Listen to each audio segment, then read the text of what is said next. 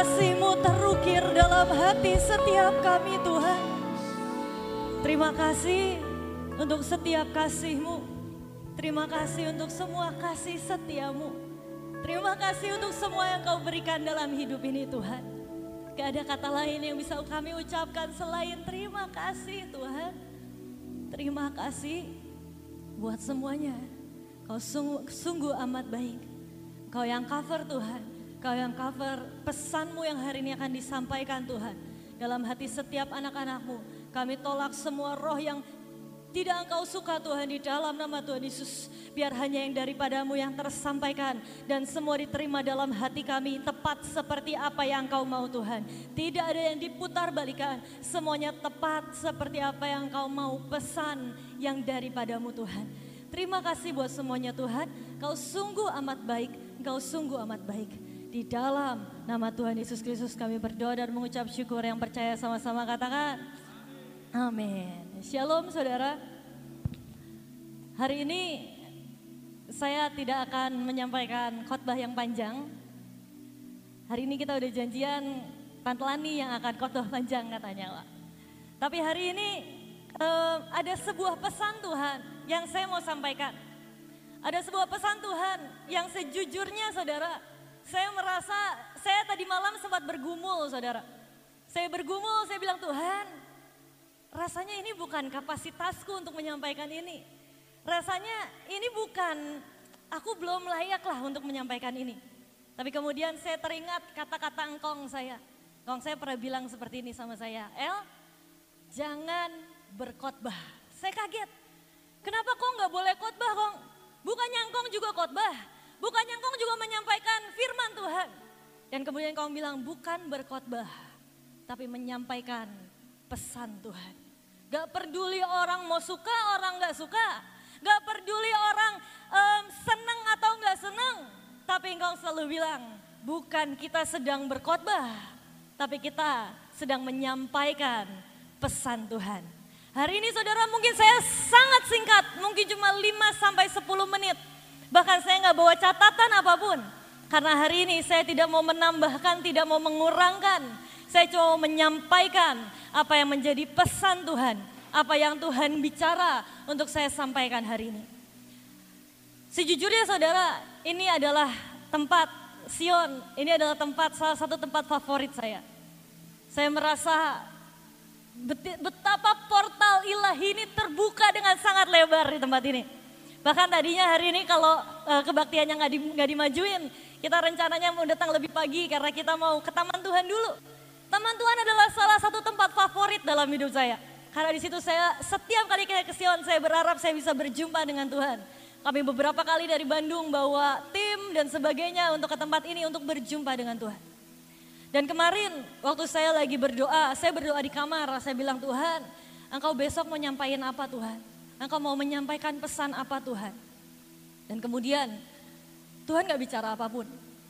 Tapi saudara, saat kemudian saya um, setelah doa saya bilang Tuhan kau nggak bicara? Ya udah besok saya akan bicara. Mungkin pakai khotbah yang sudah ada mungkin pakai um, pesan-pesan yang dulu engkau sudah pernah bicara dengan saya yang mana yang saya paling seret di hati. Dan saya akan bicarakan tapi kemudian saya pergi kamar mandi perut saya sakit saudara saya sakit saya kamar mandi saya sedang bertapa saya sedang bertapa dan saya sedang bicara sama Tuhan ngobrol Tuhan Tuhan, Tuhan, saya biasa kalau saya lagi apa pun saya ngobrol saudara sama Tuhan. Saya bicara Tuhan, aduh Tuhan perutku tuh sakit Tuhan. Berikan sedikit tenaga dalammu Tuhan. Supaya isi perutku ini bisa keluar saya bilang. Saya lagi bercandaan sama Tuhan, saya lagi ngobrol sama Tuhan. Tapi terus tiba-tiba Tuhan bicara sesuatu untuk hari ini. Yang saya rasa itu bukan hanya untuk saya, tapi juga untuk setiap kita. Maafkan saya sekali lagi, saya tidak sedang berusaha untuk menggurui atau apa pun. Tapi saya hanya belajar, saya mau belajar untuk taat dan melakukan apa yang Tuhan perintahkan. Tiba-tiba Tuhan bicara pada saya, ada tiga poin. Dan saya nggak akan jabarkan dengan sangat lebar, saya cuma akan sebutkan saudara.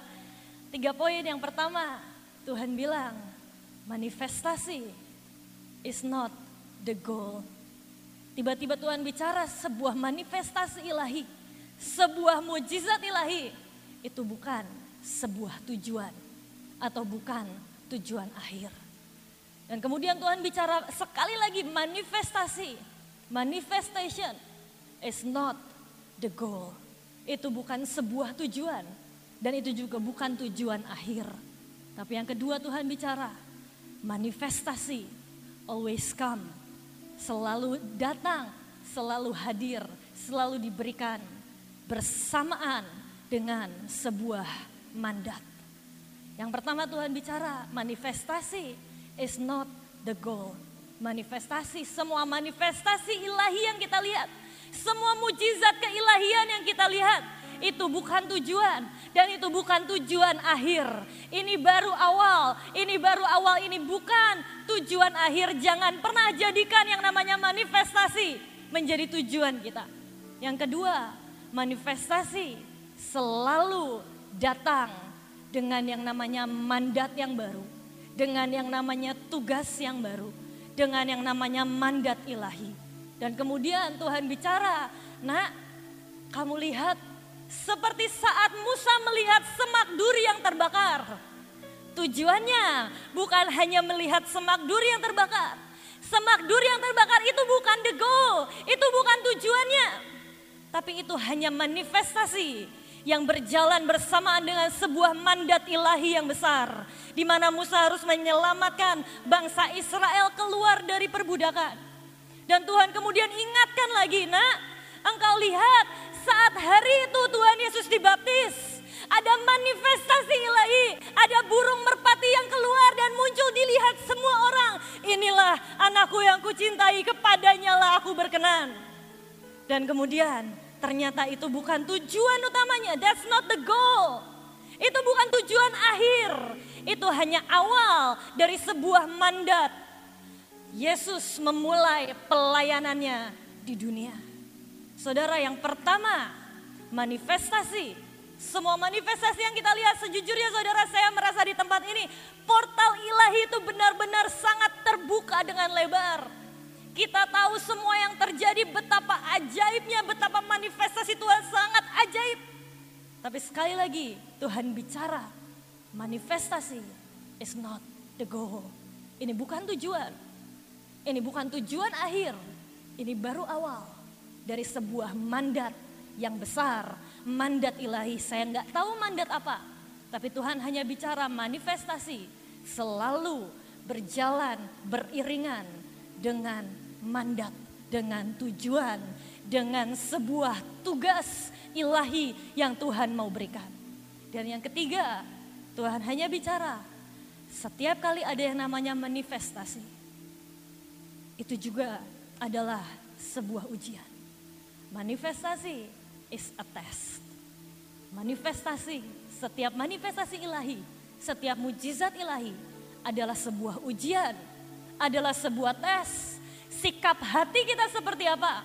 Semuanya semua diuji, baik sikap hati kita, baik respon kita, baik yang apa yang kita ingini. Sangat mudah bergeser saat kita melihat manifestasi itu terjadi dalam hidup kita. Sangat mudah sombong, sangat mudah bergeser, sangat mudah bahkan yang sangat tipis. Seringkali yang kita nggak sadar adalah saat tiba-tiba manifestasi Tuhan lebih nyata daripada Tuhan itu sendiri. Manifestasi Tuhan tidak pernah boleh lebih nyata dalam hidup kita daripada pribadi Tuhan sendiri. Tuhan berikan manifestasinya sebagai sebuah lambang, sebagai sebuah tanda, mandat baru, tugas baru Tuhan berikan.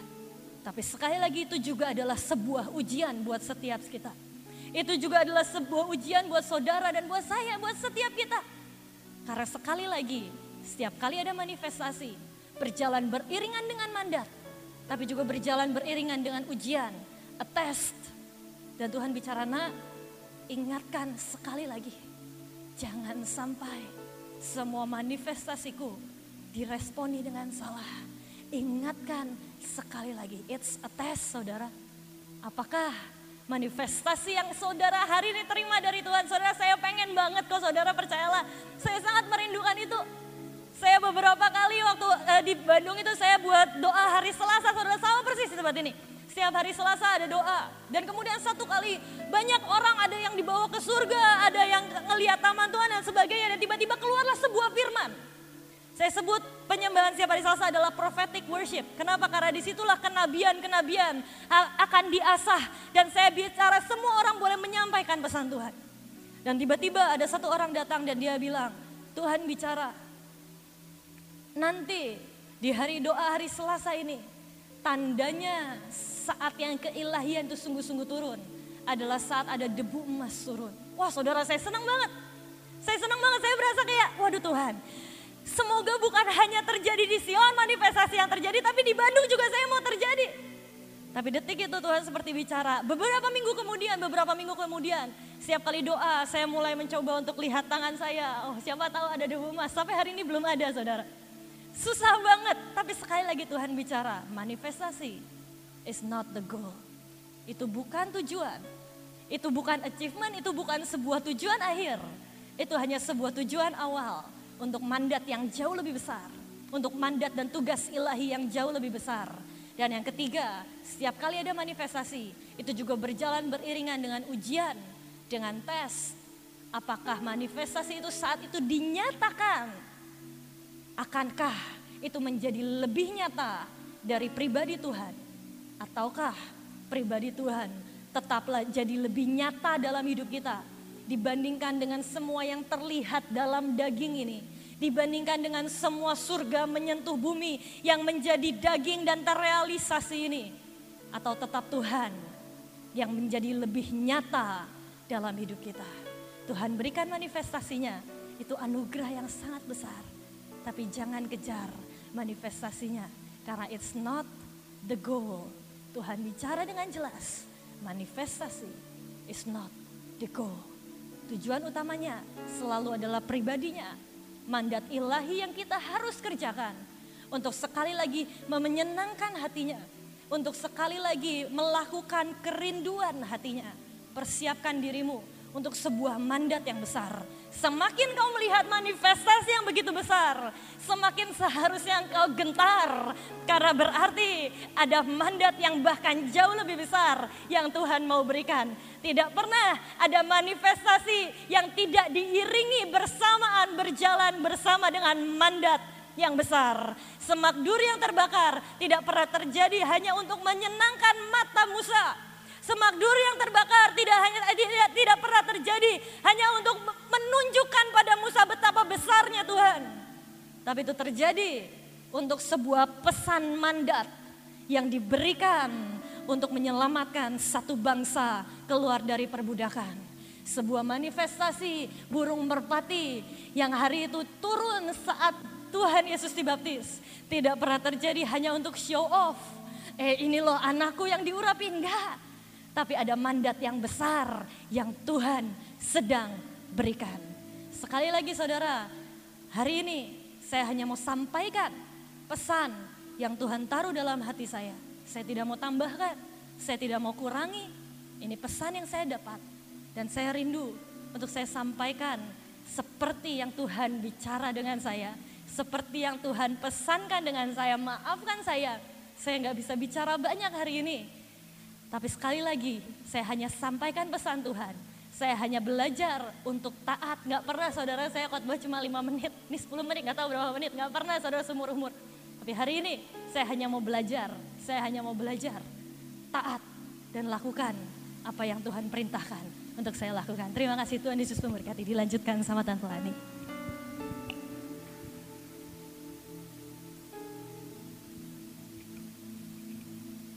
Yeah.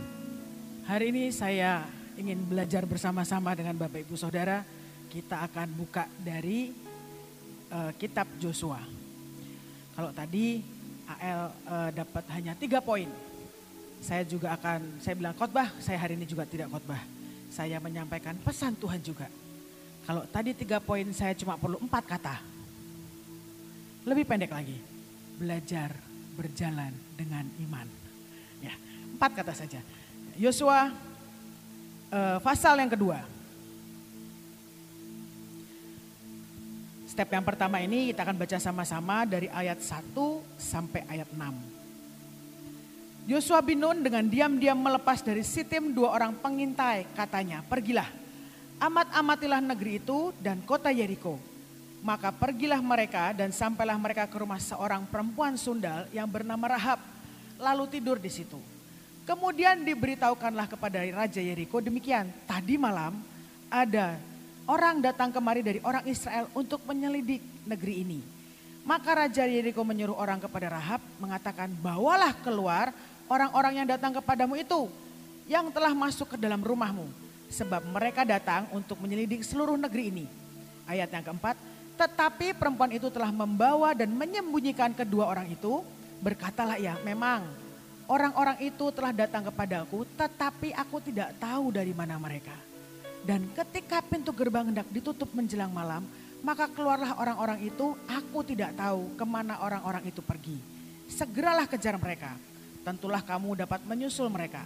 Ayat yang keenam, tetapi perempuan itu telah menyuruh keduanya naik ke soto rumah dan menyembunyikan mereka di bawah timbunan batang rami yang ditebarkan di atas soto itu. Sampai sini dulu. Saudara kita mau belajar dari satu orang yang namanya Rahab. Rahab ini terkenal sebagai perempuan sundal. Ya pelacur lah ya mungkin ya. Dan dia ini tinggal di atas tembok Jericho. Kenapa kok orang bisa tahu ada dua orang asing yang datang karena tinggalnya di tembok. Jadi dari arah mana pun kelihatan tuh kalau ada orang datang. Kalau kita nonton film koboi ya, atau film zaman dulu, film silat. Kan sering kali kalau ada orang mengintai, datang ke sebuah datangnya ke mana? Bar, atau rumah bordil. Kenapa? Karena di situlah semua informasi ada. Nah, termasuk dua pengintai ini. Dia masuk ke rumahnya Rahab kalau saya renungkan, kok Rahabnya berani? Padahal dia tahu nggak ini pengintai. Menurut saya Rahab sangat tahu dua orang pengintai. Tapi dia memberanikan diri ya menampung dua orang ini.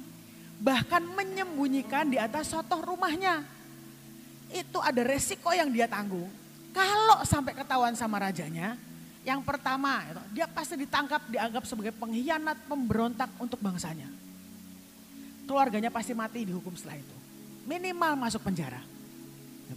Tapi kenapa dia berani? Coba kita baca ayat selanjutnya, ayat 9. Dan berkata kepada orang-orang itu, aku tahu bahwa Tuhan telah memberikan negeri ini kepada kamu dan bahwa kengerian terhadap kamu telah menghinggapi kami dan segala penduduk negeri ini gemetar menghadapi kamu. Ayat 10. Sebab kami mendengar bahwa Tuhan telah mengeringkan air laut Teberau di depan kamu ketika kamu berjalan keluar dari Mesir. Dan apa yang kamu lakukan kepada kedua raja orang Amor yang di seberang sungai Yordan itu, yakni kepada Sihon dan Og, yang telah kamu tumpas. Ayat 11, ketika kami mendengar itu, tawarlah hati kami dan jatuhlah semangat setiap orang menghadapi kamu. Sebab Tuhan Allahmu ialah Allah di langit dan di atas dan di bumi di bawah. Maka sekarang bersumpahlah kiranya demi Tuhan bahwa karena aku telah berlaku ramah kepadamu, kamu juga akan berlaku ramah terhadap kaum keluargaku. Dan berikanlah kepadaku suatu tanda yang dapat dipercaya. Sampai situ lagi. Setelah dia tahu, kenapa dia berani? Dia lihat, oh ini sebuah bangsa yang dipimpin oleh Allahnya yang ajaib. Laut merah dikeringkan, lewat semua negara-negara yang lain semua dikalahkan. Dan dia tahu cepat atau lambat giliran bangsanya. Orang-orang yang seperti Rahab ini bukan orang-orang yang penuh harapan. Yang dia pikirkan hanya satu, yaitu apa? Keselamatan keluarganya. Dia meresikokan dirinya. Aku menerima pengintai ini, kalau ketahuan aku mati. Tapi kalau aku tidak menerima pengintai ini, Yeriko diruntuhkan aku juga mati. Tapi minimal ini punya pengertian Rahab ini, punya sebuah kepandaian, keberanian. Gambling deh, aku akan sembunyikan orang ini, siapa tahu kalau nanti dia nyerang, karena saya berbuat ramah terhadap mereka, maka mereka akan menyelamatkan saya. Ini perempuan Sundal, pinter. Tuhan juga bilang, engkau jadi orang berdosa, pinter. Jangan jadi orang berdosa, bodoh. Bukan, kurang pinter. Kalau saya ngomong goblok kan kasar saudara ya. Sudah berdosa, goblok gitu. Jangan. kita orang berdosa yang dibenarkan oleh Tuhan, maka engkau harus punya kecerdasan rohani, menangkap yang dari Tuhan seperti Rahab. Dia lihat ada sebuah bangsa yang dicintai Tuhan. Dan mana pun bangsa ini pergi, dia lihat yang ajaib, yang luar biasa yang Tuhan kerjakan. Dan dia menangkap itu, sehingga dia berani melangkah, meresikukan hidupnya dan keluarganya. Sama seperti kita hari-hari ini. Ya. Tuhan izinkan kalau Bapak Ibu Saudara, renungkan kita masuk tahun 2021. Tahun 2020 semua orang bilang tahun yang sulit. Tahun yang susah. Mungkin iya. Toh buktinya Bapak Ibu Saudara masih bisa streaming hari ini. Tetap kebaktian di tempat ini. Itu anugerah Tuhan. Engkau baik-baik saja. Penjagaan Tuhan sempurna. Ya. Tapi sering kali kita ini jadi netizen julid saudara ya. Yang dilihat semua media sosial. Tapi engkau apa? Cuma lihat doang tidak seperti Rahab yang bisa menangkap yang tersembunyi dari setiap peristiwa yang terjadi dalam hidup kita. Harusnya kita ngerti, oh Indonesia nih. Ya, Tiba-tiba tahun ini banyak bencana, ayo mari berdoa. Itu berdiri untuk bangsa. Kemarin saya uh, mengucap syukur, tiba-tiba Bunda dapat firman, ayo pergi ke sampai ke lereng-lereng uh, gunung, sampai ke daerah-daerah miskin, ayo bergerak, kerjakan sesuatu. Supaya supaya kita bisa menahan. Supaya tidak berkelanjutan. Tapi sering kali kita ini lupa. Ayo pergi ke lereng-lereng gunung, yuk. Nginjil, lain bukan. Foto dulu yang penting. Sampai di Indonesia itu ada istilah yang bagus sih. Gitu. Wisata bencana. Kalau di luar negeri Bapak Ibu Saudara ya. Sebuah kota dibom, boom gitu. Di Israel. Dalam sekejap itu akan dibereskan seperti tidak terjadi apa-apa. Gitu? cepat penanganannya. Ada masalah apa sangat cepat ditangani. Di Indonesia tidak. Berlambat-lambat. Bahkan yang saya pernah dengar, ya antara lucu sama sedih. Sampai ada orang foto prewedding di mana lumpur lapindo. Wisata bencana. Bukan menanggulangi, tapi engkau senang mengeksploitasi dan membesar-besarkan. Tapi engkau tidak aware, kita tidak aware. Ada sesuatu yang Tuhan sedang kerjakan hari-hari ini bijaksanalah seperti Rahab. Di sini dikatakan, itu ayat 12. Yosua 2 ayat 12. Maka sekarang bersumpahlah kiranya demi Tuhan bahwa karena aku telah berlaku ramah terhadapmu, kamu juga akan berlaku ramah terhadap keluargaku dan berikanlah kepadaku suatu tanda yang dapat dipercaya. Seringkali kita ngomong, Tuhan bersumpahlah kepadaku, bersumpahlah kepadaku. Tuhan juga tanya, bersumpah apa?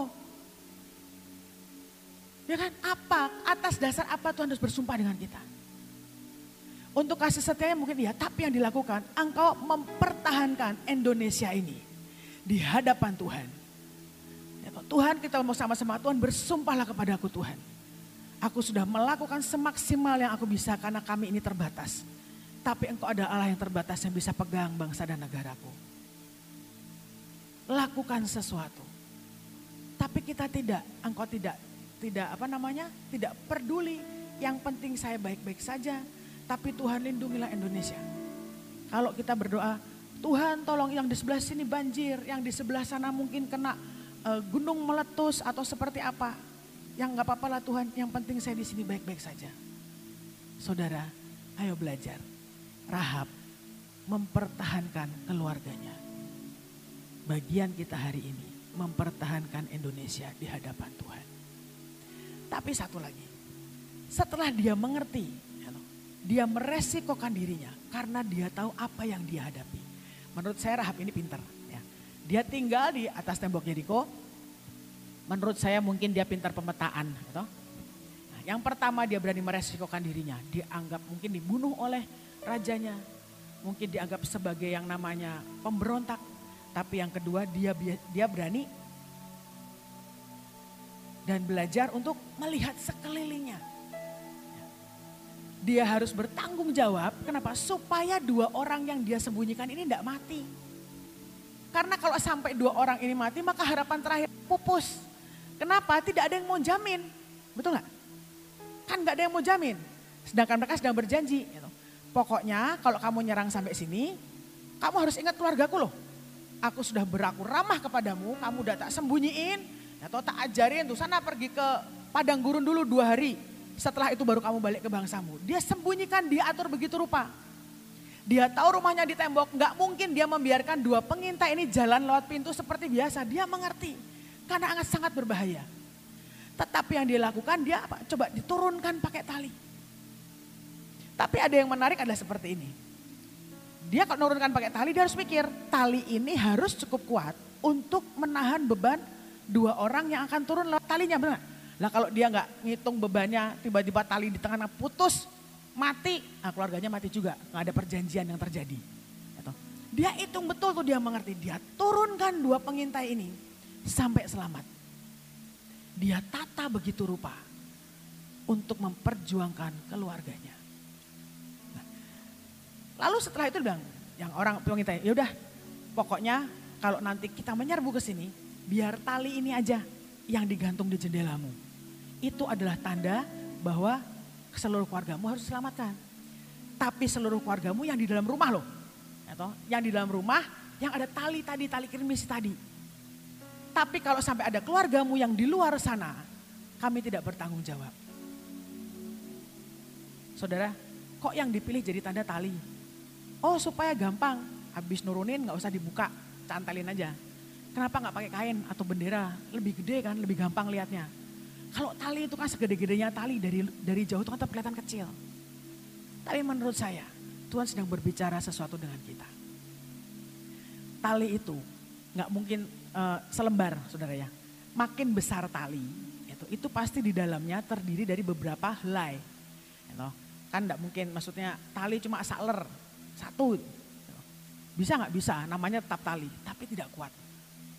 Tapi kalau sampai ini tali yang bisa mengangkut sampai menahan beban orang 60-70 kilo mungkin. Gitu. Menurut saya talinya pasti lumayan besar. Dan tidak mungkin terdiri dari satu tali. Pasti akan terdiri dari beberapa helai tali yang dipilin, yang dijalin, yang diputer sehingga menjadi tebal. Kalau talinya cuma satu helai, dia tidak cukup menahan beban yang berat. Tapi kalau talinya beberapa, itu menjadi kuat untuk digantungi beban yang berat. Dalam hidupmu kalau engkau cuma ketemu satu masalah. Dan engkau mulai mengeluh. Tuhan berat, Tuhan berat, Tuhan belum berat, cuma satu. Makanya ngucap syukur kalau masalah saudara banyak. Kenapa engkau sedang melatih imanmu. Engkau sedang melatih percayamu. Engkau sedang melatih kesabaranmu Engkau sedang melatih ketekunanmu. Engkau sedang melatih imanmu semuanya yang itu dilatih, dikumpulin, dikumpulin jadi besar. Dan engkau akan kuat menanggung segala sesuatu dengan ucapan syukur. Saat kita melihat kepada Tuhan. Saudara, tali yang diletakkan Rahab tadi. Untuk seorang Rahab itu adalah pengharapannya yang terakhir. Untuk dia bisa menyelamatkan keluarganya. Lalu apakah Rahab tidak mengalami peperangan? Enggak. Apakah Rahab tidak takut? Menurut saya dia tetap takut. Mengalami peperangan sama-sama.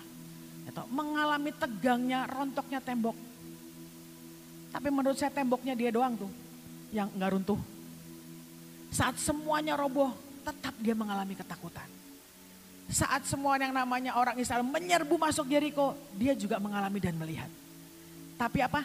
Diluputkan Kenapa? Karena dia punya perjanjian dengan dua pengintai tadi. Sama seperti kita.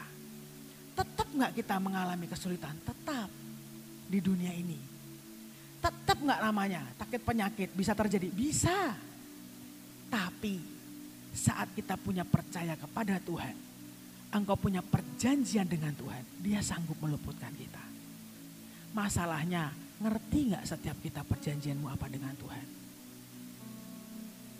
Apa yang kau letakkan dalam hidupmu di hadapan Tuhan? Tali tadi dengan berbagai macam masalah engkau menguatkan semua karakter yang engkau punya kepada Tuhan. Atau engkau memilih lari dan engkau akan lenyap bersama dengan yang lainnya. Itu pilihan. Tapi sekali lagi, saat Tuhan berkata bahwa sekarang sekelilingmu sedang terjadi banyak hal, belajar. Jangan lihat yang di depan mata persis engkau harus melihat yang ada di belakangnya maksud dan tujuan Tuhan. Untuk kita bisa belajar. Apakah Tuhan sedang mengeringkan raut teberau? Apakah Tuhan sedang melenyapkan raja-raja di sekeliling kita? Lihat dengan mata rohani. Dari situ engkau akan mengerti, oh Tuhan sedang mengerjakan sesuatu untuk bangsaku. Saatnya saya akan berdiri atau akan berdoa, menahan bencana, meminta belas kasihan Tuhan. Dan berkata, Tuhan bersumpahlah kepadaku, selamatkanlah bangsa dan negaraku. Bagian kita, masalahnya adalah sering kali kita ini hanya mementingkan diri kita. Percayalah kalau Rahab mementingkan dirinya, ya dia tidak akan meminta dua pengintai tadi untuk berjanji kepadanya. Dia bilang kalau saudara baca di ayat selanjutnya, biarkan ayah dan ibuku beserta orang-orangnya, ya engkau selamatkan. Lalu pengintai ini, oke, okay, selama mereka masuk ke dalam rumahmu, yang ada talinya tadi, mereka tidak akan dimusnahkan. Saya bayangkan saudara ya, tembok Yeriko itu kan uh, bukan kayak tembok kita setengah bata gitu ya, atau satu bata kecil gitu enggak. Sedikit lebar lah, mungkin sekitar 8, mungkin 12 meter mungkin itunya apa namanya lebarnya gitu. Dan Rahab diam di sana. Menurut saya rumahnya nggak terlalu besar lah. Kebayang nggak kalau dia kumpulkan ayah ibunya, itu AA, teteh, nini, semua dikumpulin itu sama orang-orangnya. Empel-empelan mungkin, empetan dengan ketakutan, pengap. Rasanya mungkin sulit untuk bernafas. Takut, pengap. Pas hari-hari itu mungkin semua berkumpul tanpa tahu waktu penyerbuannya kapan. Mereka menanti-nantikan supaya tidak lenyap bagaimana tetap di, di dalam rumah yang kecil itu. Mereka bertahan. Tapi percayalah pengharapan kita kepada Tuhan. Tidak pernah menjadikan kita tidak baik. Pasti selalu baik karena rancangan Tuhan adalah sempurna. Ya. Rahab itu kalau kita artikan namanya, itu, itu wide, lebar, perluasan, itu arti nama Rahab. Tapi kan prakteknya dia tinggalnya di atas tembok. Semua serba terbatas. Dia kumpulin keluarganya empel-empelan, tapi dia bertahan sampai waktu yang ditentukan Tuhan. Sering kali yang membuat kita binasa, engkau tidak pernah sabar menanti pertolongan Tuhan. Rasanya pengap Tuhan, empel-empelan dan ketakutan, sepertinya gelap dan tidak ada jalan keluar. Bayangkan seorang pelacur, Rahab ini. Kok ya bisa dia dipercaya sama orang tuanya, seluruh keluarganya. Menurut saya dia memberikan pengertian untuk anggota keluarganya. Eh lihat, ada bangsa yang dicintai Tuhan, tapi dia akan memusnahkan bangsa kita. Gitu. Wes aku tak membelot. Tapi yang penting kita selamat. Dan mungkin mereka mau. Kalau hari ini saat kita berkata, yuk meng, apa, ketemu dengan keluargamu, tambah ketakutan. Gitu. Hari-hari ini banyak orang menjadi takut, menjadi lemah, iman nyaris rontok. Saat sekeliling kita melemahkan imannya dan sampean semua ikut lemah, lalu siapa nolong siapa? Jadilah orang yang punya pengertian yang pandai. Mengerti dan bisa menangkap momen Tuhan dalam hidupmu. Maka semuanya akan baik-baik saja, sepertinya tidak baik. Tapi saat, bila saatnya tiba, maka semua tembok runtuh, dan rumah Rahab ini saja yang gak runtuh. Setelah semua bangsa Israel menyerbu masuk, lalu Yosua, Yosua bilang sama yang kedua pengintai, eh sana jemput Rahab dan seisi keluarganya. Bawa dia kemari. Nah, karena lihat ada tali tadi, ada perjanjian Tuhan. Ada perjanjian antara mereka. Sampai ada dia masuk dan mendapati keluarga Rahab. Karena mereka sudah menolong bangsa Israel untuk masuk, maka Yosua bilang, oke okay, sekarang engkau boleh tinggal di tengah-tengah bangsa Israel. Saudara, nama Rahab tadi apa? White. Karena ketaatannya kepada Tuhan. Semua yang berasal dari sempit tidak sesuai dengan destininya. Tanpa disadari, Rahab ini menyelesaikan tugas dan bagiannya. Diizinkan tinggal di tengah-tengah bangsa Israel. Saat masuk ke tanah kanaan, dibagi daerahnya ini buat suku mana, suku mana, betul nggak? Tapi kan nggak ada pembatasan kapling, benar nggak? Engkau boleh menaruh, maksudnya ini, engkau boleh tinggal di lapangan mana aja. Atau semaumu. Kalau sekarang dikasih kecil, kalau misalnya itu kurang besar, kau boleh buka hutan. Bebas menentukan seberapa besar dia mau. Rahab menyelesaikan bagiannya tanpa dia sadari. Kenapa? Karena dia belajar berjalan dengan iman. Dia ini bukan bangsa Israel. Tapi dia lihat ada Tuhan yang maha kuasa. ada Tuhan yang sangat besar yang sedang mengerjakan yang ajaib di bangsa yang lain. Kita, Israel-Israel rohani, harusnya engkau melihat keajaiban Tuhan lebih jelas. Tiang awan, tiang api, mana yang selalu ada nggak pernah habis. Atau berjalan 40 tahun sepatu nggak rusak, baju nggak rusak. Kepengen makan daging dikasih burung puyuh. Jalan lewat laut, lautnya terbelah, kurang gimana sih? Tapi sering kali kita lupa bahwa ada Tuhan yang ajaib yang mengerjakan di tengah-tengah kita. Dan kita nggak aware. Saat Abraham disuruh Tuhan keluar. Kamu masuk nih, pergi ke tanah yang ditetapkan Tuhan. Kita baca deh, Ibrani 11. Ibrani 11 ayat yang ke-8. Karena iman Abraham taat ketika ia dipanggil untuk berangkat ke negeri yang akan diterimanya menjadi miliknya, milik pusakanya. Lalu ia berangkat dengan tidak mengetahui tempat yang ia tuju. Awalnya Abraham ngerti nggak dia ke mana? Gak tahu. Tapi dia taat. Juga sama. Bagiannya cuma taat, disuruh bikin bahtera di puncak gunung. Kerjakan. Tapi iman yang dimiliki Rahab ini tidak seperti itu. Dia betul tidak tahu bagaimana. Tapi dia melihat ada sebuah pengertian yang membuat Rahab dan keluarganya diselamatkan dan bisa tinggal di tengah-tengah bangsa Israel. Karena apa? Dia punya keberanian meresikokan dirinya. Karena dia tahu apa yang dikerjakan oleh Tuhan yang ajaib akan menyelamatkan hidupnya dan keluarganya. Dan satu lagi dia punya perjanjian karena dia menyembunyikan bangsa Israel tadi. Ya toh, dia punya perjanjian dengan dua pengintai. Harusnya itulah hidup kita, engkau harus punya perjanjian dengan Tuhan. Sehingga hal apa pun yang terjadi di sekeliling kita, engkau akan diluputkan.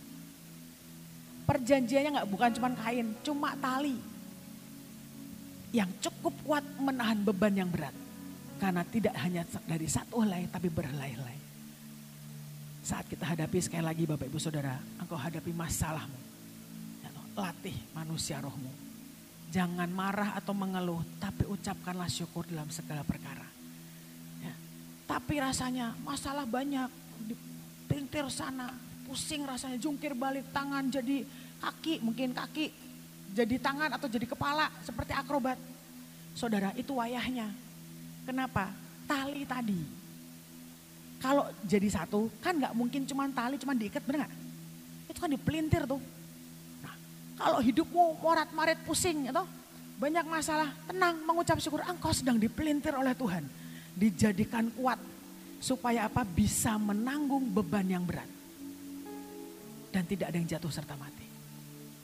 Tapi perjanjian Tuhan jadi dalam hidupmu. Hari-hari ini tetap ayo mengucap syukur, belajar jalan dengan iman. Seringkali dalam perjalanan kekristenan kita dengan Tuhan tidak sesuai dengan ekspektasi yang kita harapkan. Kepengennya gini Tuhan, kok jalannya gini? Tapi Tuhan bisa mereka-rekakan rencana. Apa pun itu, endingnya selalu baik buat kita. Karena dalam perjalanan tadi dia sedang menumbuhkan sembilan buah rohmu itu.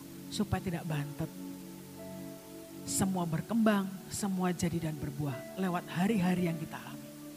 Sikap hati kita menentukan banyak hal dalam engkau menjalani hari-hari ini. Jadi jangan takut. Rahab, Abraham, Nuh, sebutkan saja siapa berjalan dengan Tuhan tanpa mereka tahu. Mereka cuma perlu taat. Mereka cuma perlu berani mengambil resiko berjalan dengan Tuhan. Karena kita tahu dengan pasti Tuhan yang jamin hidup kita. Maka semua akan dikendalikan Tuhan. Amin. Bapak Ibu Saudara. Hari-hari ini Tuhan berikan dan izinkan banyak terjadi di bangsa dan negara kita. Yuk sama-sama. Kita akan lihat Tuhan apa yang engkau mau untuk bangsa dan negaraku. Kami ini saudara ya punya tugas keliling 34 provinsi. Mungkin kami akan mulai berangkat minggu depan. Semuanya akan jalan. Tuhan bilang aktifkan seluruh perjanjian pelangi engkau akan tahan setiap bencana. Saya tuh baru mengumumkan Bapak Ibu Saudara, baru pengumuman, belum pemetaan. Tiba-tiba begitu banyak serangan yang terjadi di Pilar. yang sakit, gitu, yang soal pekerjaan, keuangan, semuanya seperti numpuk jadi satu. Saya sampai ngomong Tuhan, belum jalan loh ke 34 provinsi, baru pengumuman. Tapi kenapa dampak atau efeknya begitu dahsyat? Kalau saya cuman cetek dan melihat bahwa aduh Tuhan takut deh, nggak usah. Nanti aja kapan-kapan kalau sudah aman. Sekarang lebih ribet surat kesehatannya. Gitu. Kalau kemarin swab bisa satu minggu, rapid bisa satu minggu, sekarang cuma dua hari.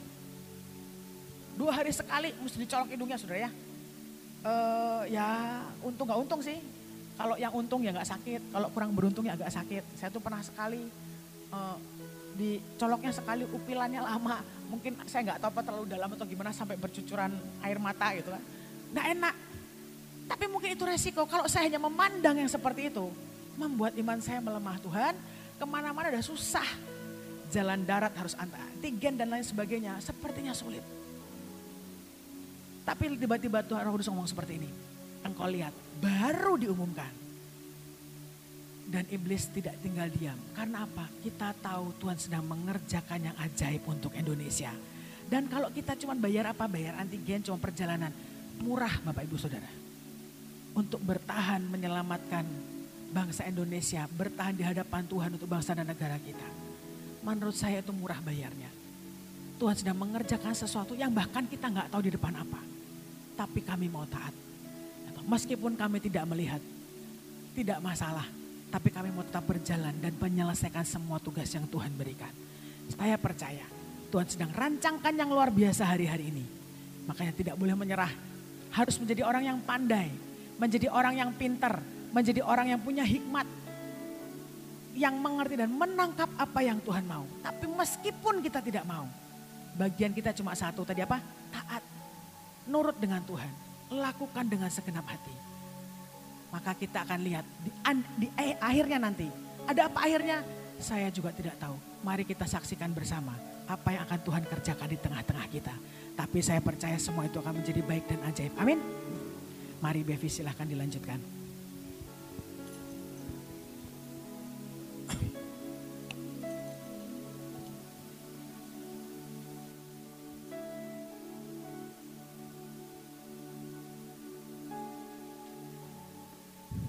Semoga masih ada sebentar. Saudara, kalau tadi saya boleh rangkum, di awal manifestasi Tuhan, tadi saya bilang Musa.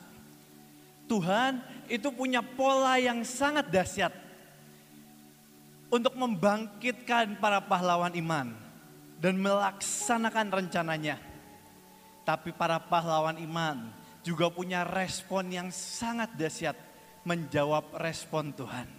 Hari itu seorang Musa yang bukan siapa-siapa, orang belum mengenal sebagai pembelah laut merah, orang belum mengenal sebagai pembebas bangsa dari perbudakan, orang belum mengenal Musa sebagai orang yang bertemu Tuhan muka dengan muka. Hari itu Musa cuma seorang yang melihara kambing domba, itu juga punya mertuanya. Hidup dari mertuanya. Satu hari dan hari itu sebelum orang semua tahu Musa yang sangat hebat yang pernah ditulis dalam Alkitab. Saat lagi melihara kambing domba punya mertuanya. Dari seorang pelarian, bukan orang yang hebat, bukan orang yang dipandang saat itu. Tiba-tiba Musa melihat manifestasi Tuhan. Tapi tadi yang seperti ayah bilang, manifestasi Tuhan pasti ada mandat ilahi Pasti ada tujuan khusus atas setiap kita. Dan hari itu di tengah semak yang terbakar. Tiba-tiba satu pesan Tuhan yang sangat kuat. Kata pertama dari Tuhan Musa. Tanggalkan kasutmu. Tanggalkan kasutmu. Kata pertama sebelum Musa melakukan apa pun. Kata pertama sebelum Musa menjadi pembawa lawatan yang sangat dahsyat dimulai pelayanan yang dahsyat yang sangat hebat. Dimulai dengan satu kata Musa tanggalkan kasutmu. Karena hari itu tapi setelah itu setelah Musa melakukan hal yang hebat dimulai dari tanggalkan kasutmu. Tongkat estafet itu berlanjut ke Yosua. Kita adalah orang-orang yang sedang menerima tongkat estafet untuk bangsa kita. Kita ada tujuan ilahi yang Tuhan taruh yang sangat dahsyat di depan kita. Dan saudara, hari itu tongkat estafet itu berlanjut ke Yosua. Seorang hamba doang. Bukan seorang anak, seorang hamba. Tapi saat Yosua mau menaklukkan tembok Yeriko yang tadi Tante Lani bilang. Tembok yang sangat besar yang gak bisa ditaklukkan selama sepanjang lama abad. Tembok yang sangat kuat. Hari itu Yosua bertemu dengan panglima perang Allah. Yosua melakukan pertanyaan konyol, kawan atau lawan. Tapi Tuhan berkata bukan. Tapi setelah itu kata yang sama terulang lagi, terucap lagi untuk generasi selanjutnya. Tanggalkan kasutmu. Tanggalkan kasutmu. Saudara, dua pahlawan iman sebelum melakukan peperangan yang sangat dahsyat dimulai dengan kata tanggalkan kasutmu. Saudara kenapa di Yeremia dikatakan karena seorang budak atau tawanan perang saat ditangkap dia harus menanggalkan kasutnya. Tanda aku seorang budak. Tanpa kita punya penyerahan total yang kita mau angkat di hadapan Tuhan Tuhan tidak bisa sangat dahsyat memakai hidup kita. Dan jangan saya buka satu ayat, satu ayat saudara sebelum selesai. Satu ayat. Di kisah para rasul. Dan setelah ribuan tahun. Di kisah para rasul. Polanya berulang lagi. Kisah para rasul 11 ayat 26. Saya tutup dengan ayat ini. Mereka tinggal bersama-sama dengan jemaat itu satu tahun lamanya. Kisah para rasul, para rasul-rasul awal sambil mengajar banyak orang. Dan kata-katanya di Antokialah murid-murid itu untuk pertama kalinya disebut apa saudara? Kristen. Saudara, kenapa di Antioquia Hari itu Antioquia adalah kota terbesar untuk perdagangan budak di zaman itu. Antioquia adalah kota pusat perdagangan budak. Dan arti kata Kristen yang hari ini kita sangat banggakan. Aku orang Kristen, aku agama Kristen. Polanya Tuhan terulang lagi di zaman ini.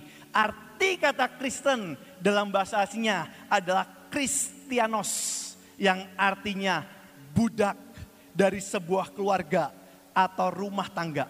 Menurut sejarah, kenapa orang-orang bisa disebut Kristen? Orang-orang kenapa bisa disebut Kristen? Karena orang luar melihat orang-orang para rasul awal yang percaya dengan Tuhan.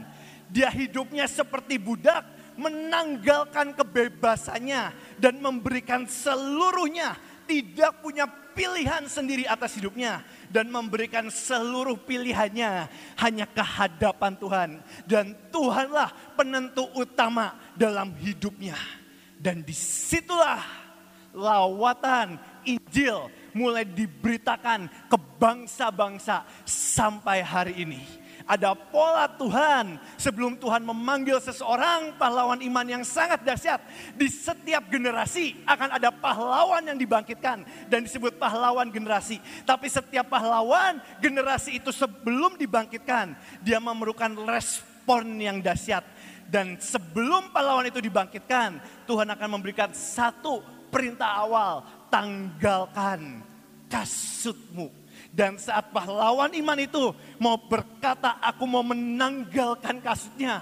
Mungkin orang lain belum melihat siapa dia. Orang lain belum tahu siapa dia. Dia tanggalkan kasutnya.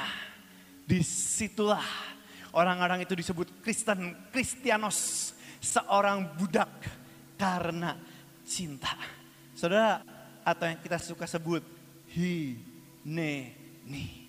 Di zaman akhir ini, di putaran terakhir ini, ada satu senjata yang sangat dahsyat yang Tuhan yang kita perlukan untuk membawa lawatan terakhir.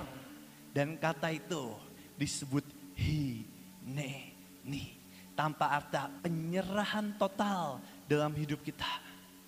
Tanpa ada penyerahan total, Tuhan nggak bisa pakai maksimal dalam hidup kita. Kalau Pak Yusak, engkau selalu berkata, gelinding wae. Tapi bukan hal yang gampang. Saudara, kita nanti uh, lagi mau ke 34 provinsi, saya ke bagian Papua Nugini. Jujur waktu saya doa buat Papua Nugini, saya bilang Tuhan, saudara jujur ya, beberapa tempat yang saya paling gak senang dalam hidup saya, saya gak mau kalau bukan karena Tuhan. Afrika dan Papua Nugini. Karena di sana panas banget. Saya ingat banget waktu itu pertama kali saya pergi pelayanan sendiri melakukan tugas. Itu kira-kira beberapa tahun lalu. Waktu itu saya lagi di Holy Stadium. Lagi di Holy Stadium masih hamba Tuhan masih lengkap.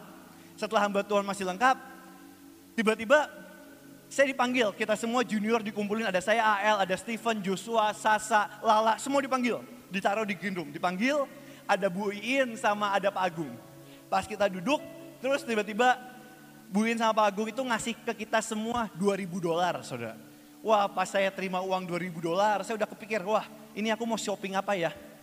Aku mau belanja apa ya dengan uang 2000 ini? Aku mau ganti HP, mau beli iPad, mau beli apa? Udah kepikir semuanya. Semua senang dapat 2000 dolar, siapa yang gak senang? Dengan sangat bangga saya masih SMA, kuliah, atau SMA mungkin. ya. Saya bangga kuliah, saya udah senang banget. Terus habis itu tiba-tiba pas dibagiin, kita ditulis negara-negara, ditulis negara-negara, ditulis di satu kertas, dikocok saudara, dikocok dan semua suruh ngambil dua kertas. Saya lupa waktu itu AL kebagian apa ya? Ekuador. Dan apa saya lupa. Di semua di ini. Pas saya ambil saudara. Saya ambil yang pertama. Saya buka. Saya seneng banget. Saya dapat satu, uh, satu kata. Spanyol. Siapa yang gak seneng ke Spanyol? Dan hari itu pas saya ambil yang pertama. Saya udah seneng. Wah. Terus dibilangin sama Bu Iin sama Pak Agung. Ini 2000 dolar ini buat kalian beli tiket modal awal buat kalian pergi ke bangsa yang nanti ditunjuk yang kita undi. Tujuannya kalian harus menginjil, bangun pasukan, menggelar karpet merah. Semua nanya, 2000 dolar nggak cukup. Buat tiketnya aja kadang kurang. Gimana buat tinggal, gimana buat bawa lawatan. Terus dibilangin, beriman, tanya Tuhan masing-masing. Saya terima Spanyol, saya seneng. Dan yang kedua, saya ambil kertas yang kedua. Tulisannya apa saudara? Tulisannya Afrika. Dan sejujurnya sebagai orang awam tanpa tanya Tuhan saya melakukan keputusan bodoh. Saya langsung menguatkan hati saya dan berkata saya harus pergi ke Spanyol. Saya mau lihat lapangan sepak bola Real Madrid. Saya mau ke Spanyol banyak makanan enak. Saya mau ke Spanyol dan saya abaikan Afrikanya. Saya pikir itu keputusan yang biasa dan wajar. Walaupun akhirnya di akhir saya tetap pergi ke Afrika. Bahkan saya harus dua kali ke Afrika bayar harganya. Saudara, saya pergi ke Spanyol. Pas saya pergi ke Spanyol, saya uh, akhirnya saya mutus ke Spanyol. Kita bertiga dari Eklesia Pilar, bertiga saya, Koakiat sama satu lagi Gali. Bertiga kita pergi ke Spanyol. Kita mau pergi ke Spanyol, pagi-paginya kita doa pagi seperti biasa selalu sama Pak Yusak engkong selalu setiap pagi kita ada doa jam 5 pagi. Dan waktu doa jam 5 pagi itu semua doa. Saya doa, Ael doa ganti-ganti ganti-gantian. Terus tutupnya Bapak terima kasih. Itu selalu mau bosen mau nggak bosen selalu harus seperti itu. Habis sudah sampai uh, puter-puter-puter, Bapak terima kasih amin. Terus uh, siangnya saya pergi ke Spanyol. Pas saya udah mau ber, Bapak terima kasih amin. Tiba-tiba Pak Yusak bilang ke saya, Bev bentar. Apa kong? Saya nanya. Terus tiba-tiba engkau bilang, Bev, kamu nanti kan mau pergi ke Spanyol nanti siang. Iya kong mau pergi ke Spanyol. Terus Pak Yusak bilang, engkau dapat dari Tuhan, Bevis nang kamu harus bawa cincinnya engkong. Cincinnya dipakai Tante Lani sekarang ya. Cincinnya engkong. Cincinnya engkong. Saya tanya kong ini cincin apa sih kong? Terus kong bilang ini tuh cincin yang semua enam hamba Tuhan punya. Tapi warnanya beda-beda sesuai panggilan. Terus kong bilang ini cincinnya emas asli dan orang yang ngebuatnya cuman buatin doang, dia udah nggak bisa buat lagi karena ini dari Tuhan. Dan Terus habis itu jujur kalau mungkin hamba Tuhan yang lain punya banyak senjata. Engkau tuh kalau pakai cincin atau pakai kalung, pakai apa, itu itu terus. Karena engkau cuma mau, engkau bilang ini perjanjian dari Tuhan. Pakai nang, buat otoritas. Tapi hati-hati ya, saya bilang, oh ya kong, Davis bawa. Sama selendang satu lagi, bawa dua. Terus pergi ke Spanyol. Saya pergi, saya bawa cincinnya Pak Yusak sama selendang, pergi ke Spanyol. Dan saudara, saya saya bersaksi Saya pergi ke Spanyol, dua peperangan. Pas saya dua peperangan, tiba-tiba saya dikabarin, Bev harus sampai paling atas. Itu tempatnya paling atas. Pas saya mau masuk ke paling atas, ditutup, saudara. Ditutup, dan itu cuma buat orang-orang khusus.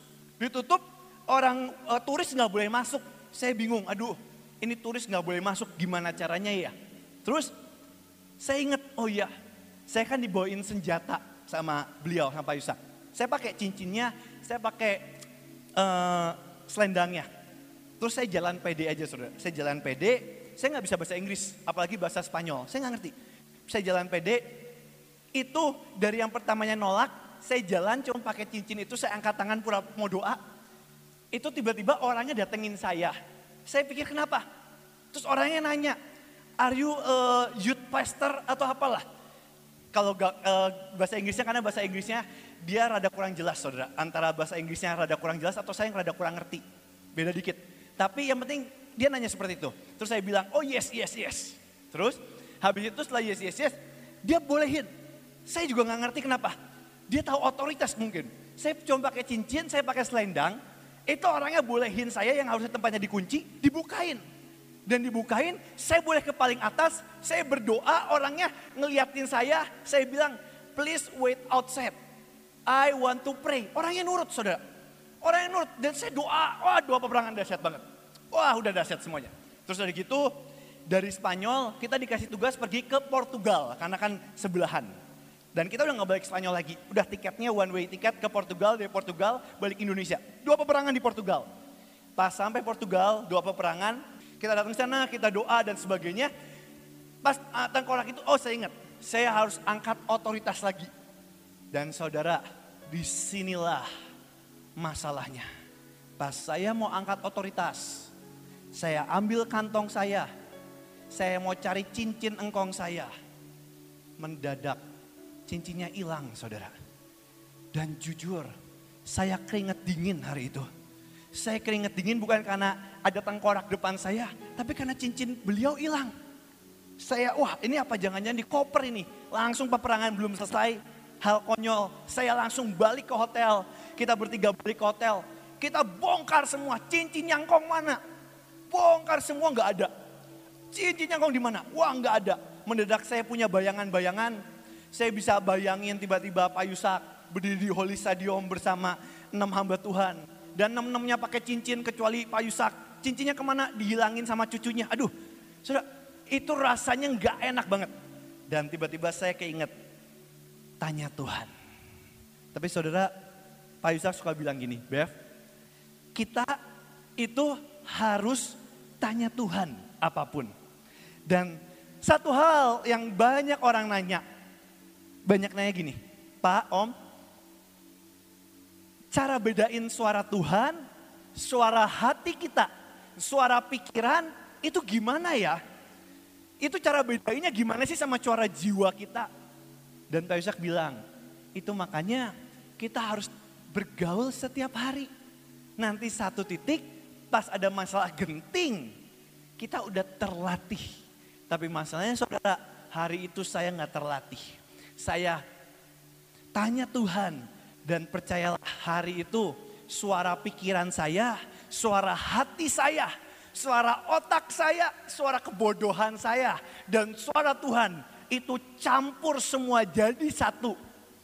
Dan saya doa, saya mau tanya cincinnya di mana, itu nggak ada jawaban. Saya bongkar ke sini, saya bongkar ke sini, saya bongkar ke sini, nggak ada sama sekali saudara. Wah, saya stres banget hari itu. Saya kita udah sampai Portugal dan cincinnya hilang. Cincin HT, cincin payusak. Dan ini bukan cincin saya, kalau cincin saya ya udah hilang mah ya udah. Ini cincin saya dipinjemin doang. Saya pusing banget. Saya stres, jujur saya stres hari itu. Itu rasanya nggak enak. Saya bahkan malu banget saya nggak mau balik, saya sempat berpikir apa saya nggak balik Indonesia aja. Karena nanti kalau saya balik Indonesia cincinnya hilang, malu banget. Di tengah saya malu, tengah saya stres, saya doa ke Tuhan nggak ada jawaban. Tiba-tiba nggak berapa lama, engkau nelpon saya. Engkau nelpon saya, engkau bilang gini, Nang, nggak apa-apa, cincinnya hilang, itu kan cuma barang biasa, nggak apa-apa. Udah yang penting selesai tugas. Nggak apa-apa, Kong, nggak apa-apa. Udah selesai tugas, nggak usah pikirin cincin, selesai tugas. Saudara, waktu engkong saya ngomong gitu, sejujurnya saya ada pelong tapi sedikit saudara. Bohong kalau saya pelong semua, saya pelong sedikit, saya masih rasa bersalahnya masih banyak. Tapi setelah itu saya ada pelong dikit, tiba-tiba di HP saya, saya di chatting sama mami saya tercinta Bu In Cipto. Tiba-tiba mami saya bilang gini, Bev, mami dengar cincin nyangkong hilang ya? Saya bilang, iya mi. Terus mami saya bilang, Bev, itu ada perjanjian loh. Itu otoritas. Jangan sampai gagal dalam peperangan, jangan sampai kalah. Warisin dengar suara Tuhan. Dan saya chat terakhirnya, Mami bilang, Bev, gak boleh pulang sebelum cincinnya ketemu. Aduh, Tuhan, ini gimana? Dari yang pelong sedikit, saya pikir beban sudah mulai terangkat. Menedak, bom lagi saudara. Itu saya gak bisa bedain. Jujur ya hari itu di tengah peperangan, saya stres, saya nggak bisa bedain mana suara Tuhan. Saya nggak bisa bedain mana suara pikiran saya. Saya nggak bisa bedain mana suara hati saya.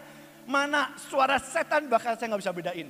Padahal firman Tuhan berkata, domba-dombaku mendengar suaraku dan aku mengenal mereka. Kita seharusnya mengenal suara Tuhan kita. Karena kita dombanya Tuhan. Dan hari itu saya nggak bisa, saya stres, saya stres. Saya di, udah sampai Portugal, saya harus balik ke Spanyol, tapi juga di Spanyol kita udah 3-4 hari, udah keliling dunia. Saya nggak tahu harus ke mana. Dan yang paling nyebelin lagi, saya mau saya siap kali di Portugal, saya ambil handphone atau pinjam telepon hotel, saya telepon ke Spanyol nanya-nanya, kalau ditanya pakai bahasa Inggris, mereka nggak mau jawab, padahal mereka bisa bahasa Inggris. Jadi mereka jawabnya pakai bahasa Spanyol, ya nggak ada yang bisa bahasa Spanyol. Kita nggak ngerti, wah itu puncak kestresan saya saya udah berpikir, ya sudahlah, kalau memang harus pulang dengan kegagalan, gimana lagi? Saya menguatkan hati saya, saya nggak bisa, saya doa ke Tuhan, saat saya doa Tuhan, aku berserah, aku berserah. Saudara, kadang ya ada dua titik berserah. Satu titik berserah, waktu memang kita seharusnya punya kekuatan untuk melawan, tapi kita berserah ke Tuhan. Tapi satu titik lagi, ketika kita memang udah nggak bisa apa-apa, dan kita dengan pembelaan kita, kita berkata, aku berserah Tuhan pada Yesus Juru Selamat, aku berserah. Satu titik, saya berserah, saya bilang, aku gak bisa Tuhan, aku nyerah. Ajarin aku, sorry kalau aku salah. Dan sudah satu titik, akhirnya anehnya, kita telepon pinjam telepon hotel. Kita telepon lagi orang Spanyolnya di beberapa tempat yang kita pernah kunjungin. Dan satu titik, ada satu orang yang mau jawab pakai bahasa Inggris dan berkata, iya ini aku lihat cincinnya. Tapi aku nggak tahu ini cincin kamu atau bukan warnanya memang putih. Saya langsung bilang, ini cincinnya. Daripada nggak ada saat nggak ada jalan keluar, lihat dikit, mungkin ini jalan keluarnya. Saya bilang akhirnya gali dari Portugal khusus ke Spanyol, cuma buat ngambil cincinnya. Dan itu benar cincinnya. Saya balik lagi, saya balik ke Bandung dengan rasa pelong lega saudara. Bukan karena saya menang, tapi karena saya tidak menghilangkan cincin pemimpin saya. Saya balik ke Bandung dan saya balikin. Tapi saudara, ini kesaksian simpel, tapi saudara, kadang kita, waktu kita kepepet, apalagi hari-hari ini, banyak yang nanya, pakai vaksin atau enggak, ini gimana, ini gimana, ini gimana. Dan itu hari Pak Yusak pernah di tengah khotbahnya, Pak Yusak bilang, nanti satu titik di masa terakhir, Pak Yusak bilang, semua orang harus bergantung sama Tuhan dewe-dewe. Nggak bisa lewat pendeta, nggak bisa lewat pemimpin, nggak bisa lewat hamba Tuhan, nggak bisa lewat orang tua, nggak bisa lewat anak, nggak bisa lewat kakak, lewat adik. Pak bisa bilang, harus bergantung sama Tuhan sendiri demi sendiri. Dan hari ini saya tahu sebentar lagi kita sedang memasuki masa itu. Mari saudara mulai alami Tuhan pribadi demi pribadi. Biar seperti Ayub, aku mengenal Tuhan bukan cuman karena kata orang, tapi aku mengenal Tuhan karena Dia Allah yang hidup. Dan kalau saya boleh bilang, mari mulai bergaul, tanya Tuhan. Tanya Tuhan apa pun, tanya Tuhan. Sudah karena ini jam 5, boleh panggil pemusik, kita tutup. Saudara, apa pun, tanya Tuhan. Apa pun, tanya Tuhan. Domba-dombaku mengenal suara Tuhan kita. Tapi itu harus dilalui dengan jalan hineni, penyerahan total. Tanpa ada di awal hineni, lawatan terbesar. Pasti terjadi, tapi bukan lewat kita. Harus Tuhan harus cari orang-orang yang mau bisa berserah total. Berserah total. Kadang ada yang dipepet, kadang ada yang karena kemauan sendiri. Tapi berserah total. Minta Tuhan yang atur kita. Makanya Pak Yusak nanya, Pak Yusak selalu bilang, paksakan rencanamu yang sempurna jadi dalam hidup kita. Saudara, saya, saya pernah dengar satu seminar, waktu itu ada seminar tanya jawab ke Pak Yusak. Kang Kong, saya nemenin Kong, ada nanya gini Kang Kong. Kong, Pak Yusak, Om, ciri-cirinya suara Tuhan tuh gimana? Hari itu Kong lagi ngajarin suara Tuhan. Saudara, kita harus berjalan di tengah peperangan ataupun dengan ketepatan. Dan gimana caranya kita bisa dengan ketepatan? Ya kita harus mendengar suara Tuhan. Kita harus bisa mendengar suara Tuhan. Dan ada nanya, Kong, cara dengar suara Tuhan tuh gimana? Ciri-cirinya suara Tuhan itu kayak gimana sih, Kong? Dan hari itu saya masih kecil, saya ambil catatan dan saya catat. Dan ini saudara, saya tutup dengan ini. Saudara boleh siapkan, saya mau catat, saudara. Ciri-ciri suara Tuhan. Dan hari itu Pak Yusak bilang, ciri suara Tuhan adalah nggak ada. Nggak tahu. Pak Yusak bilang nggak tahu. Aku juga nggak tahu. Ciri suara Tuhan gimana? Aku juga nggak tahu. Tapi kalau saya boleh nanya, saudara, satu hari saya nanya ke Cisofi, tante saya. Cisofi, Cisofi, ciri-ciri suara Ko Freddy itu kayak gimana sih? Ya pokoknya tahu tapi nggak bisa mendeskripsikan. Cisofi, Cisofi bisa bedain kan kalau tiba-tiba pas ditelepon ini suaranya Ko Freddy atau ini suaranya Pak Edi bisa kan bedain? Kalau nggak bisa bedain bahaya itu. Jadi bisa bedain. Kenapa Ci Sofi bisa bedain? Apa karena suaranya Ko Freddy lebih berat? Om, om, om. Apa karena nadanya lebih bagus? Saudara kenapa bisa bedain? Karena ada yang disebut hubungan, relationship. Tapi kalau digambarin ya kayak gitu. Dan itu juga yang terjadi antara kita dengan Tuhan. Kita bilang gimana dengan suara Tuhan? Nggak ada teorinya. Kita harus yang namanya hubungan, relationship dijelasin ya gitu pokoknya. Tapi waktu Tuhan ngomong, anakku setiap pahlawan iman seperti Abraham akan berkata, Hineni, ya Tuhan, ini aku budakmu. Tapi hanya orang-orang yang mengenal suara tuannya akan berani berkata waktu Tuhan berkata, Bevis, waktu Tuhan berkata Sion, waktu Tuhan berkata, kita akan bilang, ya Tuhan, Hineni. Dan hari ini, kalau saya boleh bilang, saudara, mari mulai dengan Hineni. Terima kasih Tuhan untuk apa yang kau sediakan buat kami. Untuk semua pesan-pesan yang kau berikan buat kami. Sebentar kami akan meninggalkan tempat ini. Akan pulang ke rumah kami masing-masing. Kami minta di dalam namamu Tuhan. Biarlah berkat, anugerah, pertolongan yang berasal dari Bapa yang di surga. Oleh karena pertolongan Roh Kudus dan di dalam nama Tuhan Yesus, kami terima berkat yang terbaik yang dari surga. Kami terima karunia yang terbaik dari surga. Kami terima segala sesuatu yang terbaik yang berasal dari surga. Kami terima saat ini dan kami pulang ke rumah kami masing-masing dengan selamat tidak kurang suatu pun apa. Semua ada dalam penyertaan Tuhan di dalam kehidupan kami. Dalam nama Tuhan Yesus, Dalam nama Tuhan Yesus. Amin. Amin. Amin. Oh, praise the the Lord